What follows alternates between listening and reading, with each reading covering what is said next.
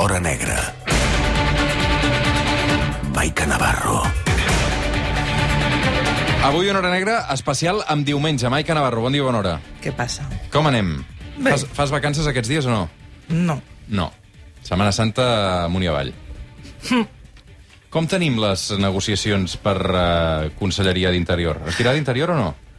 Uh, ostres, mira, aquests dies, uh, l'altre dia que vaig estar al, al, al Parlament amb la investidura fallida, vaig poder allò picar l'ull a, a l'actual conseller, picar l'ull a la que diuen molts que serà la nova consellera, i tots dos miren cap a una banda i l'altra. A veure, mm, jo crec que en aquests moments Esquerra i Junts no estan en aquesta... No, no, no, encara no tenen la carpeta d'interior a sobre de la taula. Hi ha moltes opcions. Cada cop tinc més clar que Samper segurament no continua, tot i els seus esforços per, per mantenir i que el seu grup, Junts per Catalunya, eh, mantingui la Conselleria d'Interior. És veritat que hi ha una regla no escrita, que és que qui governa assumeix Interior. És veritat que seria molt estrany que Esquerra Republicana governant es prescindís d'Interior, perquè la gent podria dir, ostres, sí, però no l'heu agafat mai, què passa, que no, no us veieu amb cor? Eh, I és veritat que la consellera de Justícia, Esther Capella, explica al seu entorn ostres, que amb ella li queda moltes coses per fer.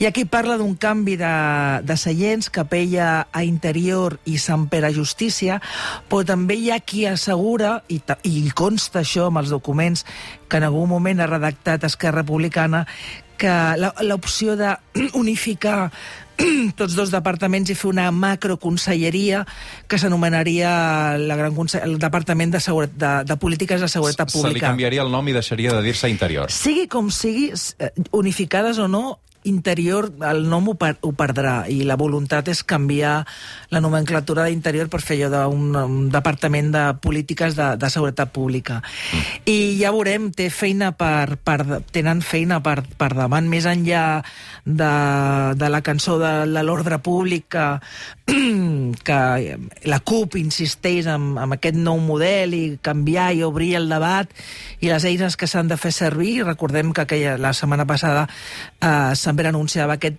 portal de transparència on, què voleu la CUP? Els protocols? Doncs mira, no només protocols, protocols de FUAM i de totes les eines i, escolta'm, i, i, i tota la informació que calgui d'accés públic de tothom a la gent amb una web d'accés públic que s'obrirà, entenc que, que a tot que estigui enllestida. Però bueno, ja veurem, no crec que ara mateix sigui l'únic problema que tenen els d'Esquerra i el de Junts, eh? la, la Fa la Conselleria sensació que, d'Interior. que, no. que en tenen encara Ah, de, de més. Grans i més diferències. Ah, efectivament. Bé, avui amb la Maica Navarro l'Hora Negra deixarem la política de banda, obrirem plana de successos, eh, com sempre, parlarem d'estafes. És per això que avui també ens acompanya el company del periòdico, Guillem Sánchez, ha publicat eh, un llibre fantàstic que es titula El estafador. L'estafador és ni més ni menys que Francisco Gómez Manzanares, un home que va estafar desenes de persones durant més de 20 anys, un professional de la mentida que ha acumulat 50 denúncies i que ha robat 3 milions d'euros estafats, almenys que se sàpiga, per tota la geografia espanyola. Guillem, què tal? Bon dia. Bon dia. I benvingut una altra vegada al suplement, perquè ara t'ho deia mig en broma, eh, ets prolífic, surts de llibre cada pràcticament dos anys, tres anys, eh, i, i són llibres d'una factura periodística brutal, eh, Maica? Sí, sí, sí, sí. Ara parlaven... Uh, bueno, bon dia, eh, Guillem? Bon dia. Uh, em fa especial il·lusió que el Guillem sigui a, a aquest programa, perquè, clar, fa uns anys, quan jo marxo...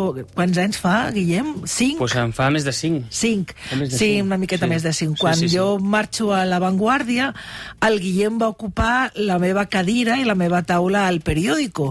I això va permetre doncs, els moviments que sempre són supersaludables a la professió i sobretot eh, eh, fer eh, que la gent pogués conèixer i fer aflorar una assignatura que a vegades tristament queden amagades en el món de les agències, que hi ha excel·lents professionals, ell estava a la CN, i aleshores el periòdico va poder allò, es va poder vislumbrar i veure i... Home, i va destapar ah, casos tan sonats com el dels maristes, vull sí, dir que- i aleshores, doncs primer feia aquesta introducció que em fa il·lusió per estar, estar avui amb el Guillem perquè estem allò units per, per, per aquesta història del, de la redacció eh? del periòdico, Il·lusió. Però a més a més ell va treure el cas dels maristes, un treball excepcional amb, amb la seva companya, amb la Xusa i amb el, i amb el Jesús García Albalat del periòdico, premis, pre, amb innumerables premis per aquest treball periodístic, però jo li deia, crec que tot i que la gent pugui pensar el contrari, a l'estafador és un llibre molt més complicat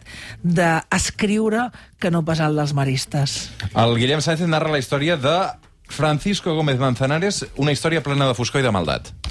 El efecto más inmediato que tuvieron los disparos contra la cabeza de Gregorio Ordóñez fue que la figura del escolta se multiplicó a finales de los 90. A Francisco, en aquel contexto, no le hacía falta ningún informe para fingir ser miembro de la El Sancha. Comenzó a moverse como ellos, a comportarse como ellos, a fingir que era uno de ellos.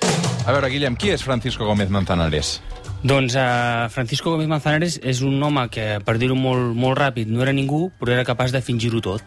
I llavors uh, ha estat moltíssimes coses al llarg de la seva vida, eh, començant per, per, per el, el tall que hem posat ara, que és el, la, primera, la primera disfressa professional que ell adopta, que és la d'agent de l'Archaina, però a partir d'aquí eh, en adopta d'altres, sempre en, molt atent al, al, als canvis socials que hi ha. Ell és una esponja que busca sempre el, el mirall que millor li permetrà eh, seduir i, de, i amb, amb la seducció el que hi busca sempre és l'estafa. I el, amb el primer que s'emmiralla és amb els guardaespatlles, no? Sí, sí, sí ell en, viu en el, en el País Basc, eh, Euskadi del, dels anys 90, és una època molt complicada, és una època on hi ha eh, molt de gent de l'Arxaina, hi ha un servei de seguretat que també està pel carrer, que a banda no d'uniforme, ell queda molt, molt emmirallat per aquest tipus de, de professionals i és el primer que ell eh, recorre, ell fa creure a la gent que del seu voltant, del, del, del, dels seus veïns, que ell és eh, agent de seguretat seguretat eh, personal i ell ho fa per guanyar-se la seva confiança i després, a continuació, proposar-los eh, a negocis que sempre són estafes. Perquè, clar, eh, aquesta emmirallar-se i, fer veu, i fer veure una vida que no era la seva, però ell tenia alguna vida? Ell alguna vegada, per destafar, en aquests moments, o com a mínim a l'inici, es va dedicar a alguna cosa? Va començar per ser alguna cosa? Uh, jo crec que, jo crec que el, hi ha un moment que és quan uh, l'atrapen i entra a la presó a Burgos uh, l'any 2008, que compleix gairebé 5 anys. Després surt en un tercer grau, té una feina de veritat, que és la primera feina de veritat que té, i és la, la, seva, la, la, la gran oportunitat perduda, quan la seva família creu que uh, possiblement uh, uh, ell es pugui rehabilitar. Dura poc perquè la persona que l'ha tret de la presó sí. és un amic seu que li ha aconseguit la feina i l'acaba traint i acaba robant, acaba fotent la mala caixa, mm. s'endú els diners, l'enganya, menteix, i a partir d'aquí... Ja, ja una espiral de bogeria. Torna, exacte. Ja... En aquest espiral de, de bogeria, en aquest personatge, eh, és a dir, no s'estava de res, perquè li agradava el nivell de vida alt, no? Eh, portava roba de marca, molts cotxes de, de gamma alta, i tot això entenc que ho anava pagant i acumulant amb els diners que anava estafant, sobretot a dones. Ara entrarem en aquest capítol, també. Sí, ell, ell, exacte, o sigui, ell, ell, ell estafa a tothom. Vull dir, al llarg de, de la seva vida, eh, la primera estafa la fa als sogres de la seva primera nòvia, perquè els està convidant a sopar i a anar de viatge i ho, ho està pagant amb el xec del sogre. I a, i a partir d'aquí ell eh, doncs, eh, ven de tot. Als anys 90 el, el que estava de moda era doncs, anar a comprar a Andorra i ell eh, s'oferia per anar a Andorra i tornar amb, amb minicadenes amb de CD-ROOM, etc. que mai arribaven. Eh, que mai arribaven, evidentment i després doncs, ha venut doncs, què sé jo, un, un, un valer a un company de cel·la, ha venut mm. un anell màgic a un home que estava enganxat a les escurabutxaques, ha venut um, un, un gat persa, un tio que li agradaven els animals domèstics, uh, parcel·les, cotxes, motos, ha venut de tot. I a la seva última etapa, uh, precisament perquè uh, és conscient del preu que haurà de pagar si l'atrapen, es concentra en estafar només dones. Las sedujo para controlarlas, engañarlas, asustarlas, despreciarlas, anularlas y vaciarlas. Simuló que se había enamorado de ellas, que las rescataba de las presiones sociales que persiguen a los que no crean familias, y las dejó en el más absoluto de los desamores. Con ellas fue un villano sin compasión. És molt important com escollia les víctimes, no? Sí, eh, el, ja en, en aquesta història, en l'última etapa, hi ha un, hi ha un investigador de, dels Mossos d'Esquadra, que és el caporal Ricardo, que és clau, um, perquè és una persona que s'obsessiona en detenir-lo i finalment és algú també que entén la gravetat del que està passant, Clar. perquè no només són estafes econòmiques, d'això en parlàvem amb la Maica just abans d'entrar i estàvem els dos d'acord en això, aquest policia ho entén i aquest policia també és conscient d'això, també, també ho explica ja en el llibre. Ell, ell és molt bo uh, seduint dones que uh, d'alguna manera ell ha escollit prèviament. Ell es passa eh, moltes hores a les, a les xarxes socials, sobretot a les aplicacions de cites, eh, moltes hores vol dir moltes hores, és un treballador incansable, i detecta dones que pel que sigui tenen, tenen una edat on volen parella, busquen parella perquè estan cansades d'estar soles, mm. i sobretot algunes inclús volen ser mares, i amb aquestes, eh, bueno, doncs eh, va, no té compassió. Clar, mm, al final el, el, el modus operandi d'aquest estafador és eh, controlar doncs, els somnis i els desitjos i les frustracions d'aquestes víctimes a la que ell veia, i això amb el llibre ho explica molt bé, i aquest fragment que, que hem escoltat amb, amb, amb, amb voz en off resumeix molt bé el, el pla de, el modus operandi d'aquest personatge. O sigui, ell el que fa és controla i detecta la debilitat d'aquestes dones, aquello que ells aspiren, i ell, doncs allò, sense cap mena d'escrúpols, fa veure que és la solució a tot allò que elles necessiten i es converteix en allò que ella que elles creuen que necessiten en aquell moment. I sobretot, molt important, aquesta pressió exterior que reben les dones amb una certa edat de no tens parella, uh -huh. no tens fill, i ell apareix allà com un príncep blau per solucionar-te tot allò i, a més a més, amb aquesta bona postura, amb aquestes bones paraules, uh -huh. amb aquestes bones actituds. I, clar, què passa aquí? Doncs que la societat com a tal allò no és capaç d'entendre la gravetat, del, de, la gravetat de l'estafa, la gravetat de les conseqüències. Perquè una de les coses bones d'aquest llibre i més interessants d'aquest llibre és que el Guillem, eh, tot i la dificultat de parlar amb aquestes dones que, que, que els hi costa perquè se senten molt culpables, aconsegueix traslladar molt bé al lector, acompanyar-lo o aproximar-lo amb aquest patiment indescriptible i aquest dolor amb conseqüències mm -hmm. gravíssimes per totes elles. Guillem, has parlat amb moltes víctimes, devia ser difícil, no?, aquesta vegada? Sí, sí, sí. El, abans la, la Maica deia que, que ella creia que, que per mi havia estat més difícil aquest llibre que l'altre. És veritat. En l'altre, en el dels maristes, eh, al final eh, les víctimes necessitaven ser protegides, la seva entitat havia de quedar eh, guardada, eh, però volien que la, que la veritat... Els volien fer la denúncia. Patit, exacte. Exacte. En aquest cas, hi havia víctimes d'aquestes estafes sentimentals que volien explicar-ho, però d'altres no només no reclamaven que, se, que es protegís la seva identitat, és que no volien que se'n parlés d'ell, perquè no. només parlar d'ell d'alguna manera els tornava a connectar amb una experiència traumàtica i a banda intuïen que la societat no, no, no, no, no empatitzaria amb ell, sinó que acabaria empatitzant amb l'estafador. Perquè d'alguna manera tots acabem eh, doncs, fascinats per, per, la, per la figura d'un Don Juan mm. i és un error eh, equiparar-lo amb un gran eh, conqueridor sentimental perquè no és un home a qui li agradin molt les dones, sinó que és un home que les odia i sentir això, sentir que, saber que uh, el, quan, quan la, la persona, és... la persona que teòricament et penses que t'ha estimat t'ha estat utilitzant, sí. no? Això per elles... Sí, però sí, no sí, només sí. això, sinó sí, el que sí. explica el Guillem, i això també, eh, jo crec que aquí hem de fer autocrítica als periodistes, eh? perquè jo que recordo en alguns primers moments, i no només amb aquest personatge, sinó amb d'altres, que hem titulat de manera allò mm, el Don Juan, el Conqueridor... El Don Juan és un, del, un, és un dels apel·latius que rep el, el Francisco, i l'equiparació amb el Casanova és, és freqüent. I llavors, eh, clar, això d'alguna manera a, a, les, a les dones les fa sentir molt, molt malament i per això tampoc volíem parlar. El, el, el, que, el que explicaves tu també és així, és a dir, eh, jo crec que en, ens costa molt posar-nos a la pell de què deuen sentir eh, unes persones que tenen una parella, és a dir, com si la, la nostra xicota, el nostre xicot, la, la parella amb qui hem construït, doncs la nostra vida de cop i volta desaparegués exactament què voldria dir. Perquè no és que t'allin tu, és que no ha existit mai. És que des del minut 1 ell t'ha vist com el que eres un objectiu purament econòmic. I tota la resta de, de, de, de seducció que hi ha hagut, era de mentida. confiança, era mentida. I no hi havia el res. problema, que jo crec que també això el Guillem ho explica molt bé, la sensació de culpabilitat de les víctimes. Elles no es treuen... Eh, és molt difícil treure't aquest sentiment de és que va ser culpa meva. Un segon, eh? Passen dos minuts de tres quarts d'onze del matí. Som al suplement, som a Catalunya Ràdio, amb el Guillem Sánchez estem parlant de El Estafador, el seu últim llibre. No revelarem tots els detalls, però és que uh, us vull treure algunes coses més que expliques al llibre, perquè realment és fascinant. Uh, evidentment es fixava sobretot amb aquestes dones, i al principi ja ens ha explicat que es feia passar per Erzaina, però és que uh, un dels últims personatges que va interpretar i que va utilitzar va ser que ell uh, explicava que era membre del cos tècnic del Barça. De fet, publiques una fotografia d'un moment de la detenció a la ciutat esportiva, no? Uh, expliques que uh, últimament sempre anava vestit amb roba oficial del club. A veure, què feia, què deia, i, i no sé si es venia com a ajudant d'Ernesto Valverde o... Sí, eh, ell deia que era amic personal de, del pare de Neymar i, i del pare de Messi, que era un home... Eh, si, si tenim al cap la figura del senyor Lobo de Pulp Fiction, que és l'home sí. que, que arregla els problemes, doncs ell es presentava així, no? com com un home de, de, del club, de la màxima confiança dels jugadors, que viatjava amb l'equip, que s'anava a córrer amb Luis Enrique, i que, i que, bueno, doncs que al final tenia un paper fonamental en, en, en com funcionava l'equip. I s'ho estudiava, eh? Amb això s'ho estudiava. Sí, ell, ell, ell es documenta a fons, és a dir, ell és un treballador incansable. Si, si es fa passar per sergent de, de salvament marítim, ell coneix totes les bases, coneix tot l'argot, si es fa passar per policia, inclús la gestualitat la, la copia, evidentment l'època es fa passar per pilot de Fórmula 1 i que diu que treballa eh, de provador a l'escuderia de Fernando Alonso, doncs domina tots els grans premis.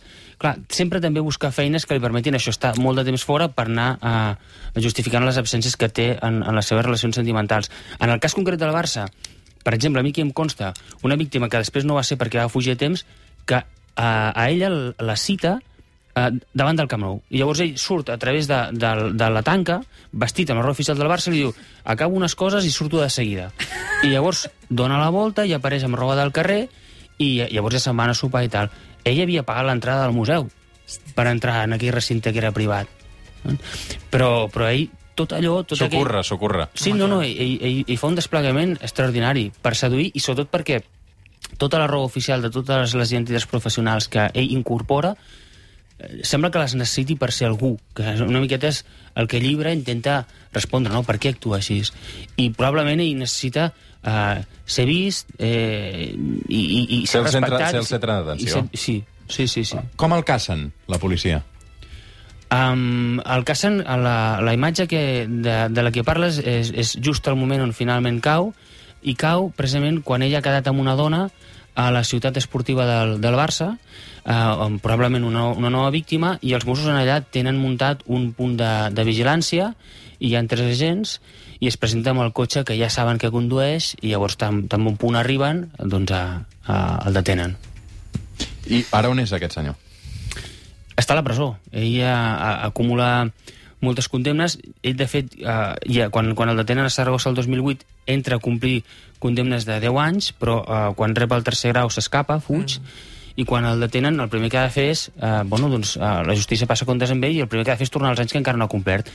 I després eh, hi ha hagut tots els judicis, totes les noves condemnes, i en principi estarà a, a la presó té condemnes per més enllà del 2030. Veurem quan triga a sortir. Vas Maca. intentar posar-te en contacte amb ell, evidentment, i... Sí, clar, clar. De fet, quan l'editorial em proposa escriure un llibre sobre, sobre aquest personatge, jo el primer que dic és, bueno, jo el faré eh, sempre que pugui parlar amb ell. Si no puc parlar amb ell, no té sentit. Jo escric cartes a la presó, eh, li envio missatges a través dels, dels seus advocats, pregunto a, a, a algun membre de la seva família si parlaria amb mi i sempre la resposta és negativa. Ell no vol saber res dels periodistes. Però possiblement perquè els periodistes, eh, do- donant veu al que fa, li estaran Clar. complicant eh, el, el que fa. No? Um, per sort, però, hi ha una víctima que finalment aconsegueix uh, algo que per mi és millor que una entrevista que jo li hagués pogut fer, que és que ell manté una, ella manté un, aquesta dona manté una conversa amb ell on ell, uh, segons els psicòlegs que després han analitzat aquesta conversa, s'obre i explica exactament com se sent. I, per tant, la seva versió crec que al final en el llibre està molt més ben recollida que si jo hagués pogut entrevistar-lo perquè m'hagués explicat qualsevol cosa.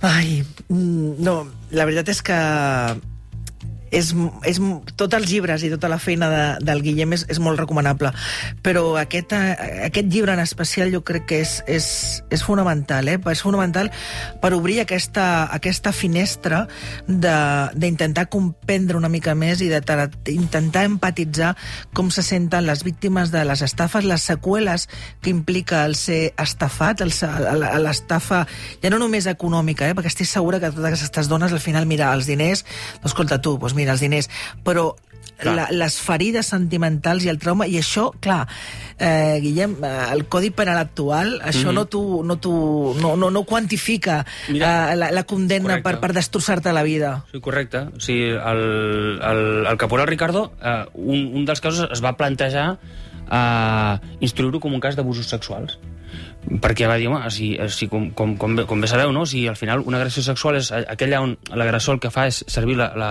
la força, la violència i la intimidació contra la víctima per poder eh, mantenir, mantenir relacions sexuals amb la víctima, un el cas d'abús sexual el que fa és eh, sobretot a través de, de, de, de l'abús d'autoritat o a través de, de, de l'engany no? Clar, en aquest cas, les dones que mantenien relacions sexuals amb ells estaven, estaven uh, enganyades. Uh -huh. I, I a banda ho estaven fent molt coaccionades per una quantitat d'informació que li havien donat i que no existien. Per tant, falsa, es clar. podria, es podria haver instruït aquest, uh, totes aquestes denúncies de relacions sentimentals fraudulentes uh, com a casos d'abusos sexuals. Més enllà d'això, també es podria haver Uh, per què no plantejat la hipòtesi de que un jutjat especialitzat en violència de gènere doncs, ho, ho, hagués, ho hagués instruït i ho hagués investigat perquè al final són dones que han patit un, un, un maltractament psicològic sobretot les relacions més llargues al final sempre acabaven amb, amb, amb un maltractament molt dur per part de, del Francisco, que han, han patit moltes men mentides, que han estat humiliades, que han estat uh, vexades i que després s'han hagut de quedar en el seu entorn a donar uh, totes les explicacions. Mm. Tot això, tot això, ni l'abús sexual, ni l'engany, ni la mentida, ni la humiliació, és una cosa que està incorporada en el Codi Penal que només té en compte la part econòmica. Uh, un, un, em queden 3 minuts, eh? però un parell de coses que m'agradaria comentar, Guillem, perquè crec que has anat, precisament, has fet alguns viatges al País Basc, perquè ell, ell sí que no, no t'ha volgut eh, fer cas ni t'ha contestat aquestes cartes, però t'has intentat apropar a, a la seva família d'aquest estafador per, per entendre també aquesta psicologia, mm -hmm. per què odia de les Sí. dones i per què s'ha comportat així al llarg de, de, de tota la seva vida. Amb què t'has topat? Quin perfil psicològic podem fer d'aquest personatge? Um, les persones que, que l'han conegut, uh, totes et remeten a una infància uh, que és molt complicada, que, que és d'abandonament, i una infància de la que ell d'alguna manera uh, vol sortir-ne, que pos possiblement ell, ell cregui que no és ningú, que sent qui és doncs no arribarà al lloc, i, i d'alguna manera, en paraules d'un dels veïns que es va criar amb ell i que a banda era molt amic del seu germà, ell el que explica és que uh, va entrar en un món de fantasia i se li en va anar de les mans. És a dir, um, ell també, eh, d'entrada, abans de fer el mal que ha fet, probablement eh, va patir, va, patir, bueno, va ser víctima. déu nhi uh, un treball periodístic del Guillem Sánchez una vegada més, El estafador, la història del Francisco Gómez Manzanares, aquest personatge que ara compleix condemna després d'haver estat denunciat fins a 50 vegades, després d'haver-se fet passar per pilot d'Ibèria, per provador de Fórmula 1, per agent de salvament marítim, per guardaespatlles, per Etzaina, eh, també per eh, doncs una persona vinculada al Futbol Club Barcelona. déu nhi el Francisco Gómez Manzanares, quin currículum, que arriba ara en forma de llibre del Guillem Sánchez, El estafador, un llibre que també recomanem moltíssim des del suplement. Maica Navarro, molt xulo, això. Sí, la veritat és que sí. És una... No sé, em, em fa... No, et, et quedes tocat, eh? El, el llibre...